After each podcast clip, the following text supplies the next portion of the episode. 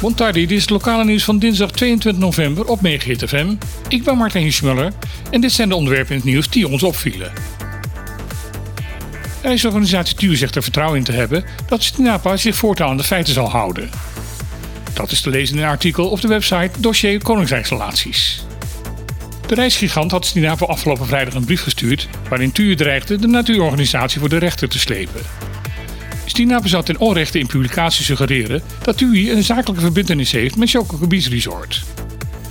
Duidelijk is dat TUI niet betrokken wil worden bij het voortdurende geschil tussen de eigenaar van Choco Beach, Jan Schellevis, en de overheid over het kunstmatige strand van het resort. Er wordt in de brief dan ook gezegd dat de verbinding die Stinapa in haar communicatie legt slecht is voor de goede naam van de reisorganisatie. Opvallend daarbij is dat TUI zelf in allerlei publicaties wel de koppeling legt tussen Choco en de reisorganisator. Opvallend is ook dat TUR geweigerd heeft om antwoord te geven op zeven vragen die het dossier Koninkrijksrelaties aan de organisatie heeft gesteld. Volgens de persdienst van TUI staan deze vragen los van de correspondentie met Sinapa en worden dus daarom buiten beschouwing gelaten. Na alle commotie de afgelopen tijd over de gezondheidszorg in de BES is er vandaag nog een ander feit bekend geworden. Dit jaar zal de zorg in Caribisch Nederland 20 miljoen meer gaan kosten dan was begroot. Het merendeel daarvan wordt veroorzaakt door de plotseling koersval van de euro ten opzichte van de dollar. Dit leidt tot een verlies van 13,6 miljoen. Deze daling werd veroorzaakt door het uitbreken van de oorlog in de Oekraïne. Veel beleggers waren bang dat heel Europa betrokken zou gaan worden bij de oorlog en zeiden daarom hun vertrouwen in de Europese munt op. Daarnaast moet een verlies van 5,8 miljoen worden afgeschreven door de extra zorgkosten tijdens de coronacrisis. Het overblijvende tekort van 6 ton wordt veroorzaakt door budgetoverschrijdingen.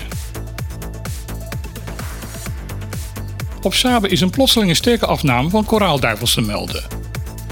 Het is de derde keer in het gebied van de westelijke Atlantische Oceaan dat een dergelijke daling is geregistreerd. De vorige keer dat dit gebeurde was in 2020 in de Golf van Mexico.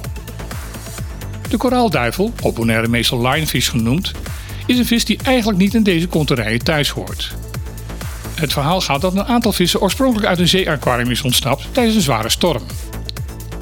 Omdat de vis in deze streken weinig natuurlijke vijanden kent, kon de soort zich snel verspreiden over vrijwel het gehele Caribisch gebied.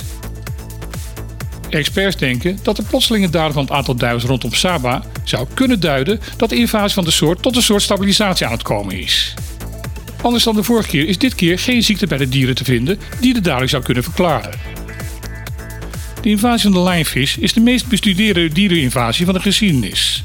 Toch is er over deze soort nog veel onduidelijk. Op Bonaire, net zoals op andere plaatsen, wordt de vis veelvuldig gevangen door duikers.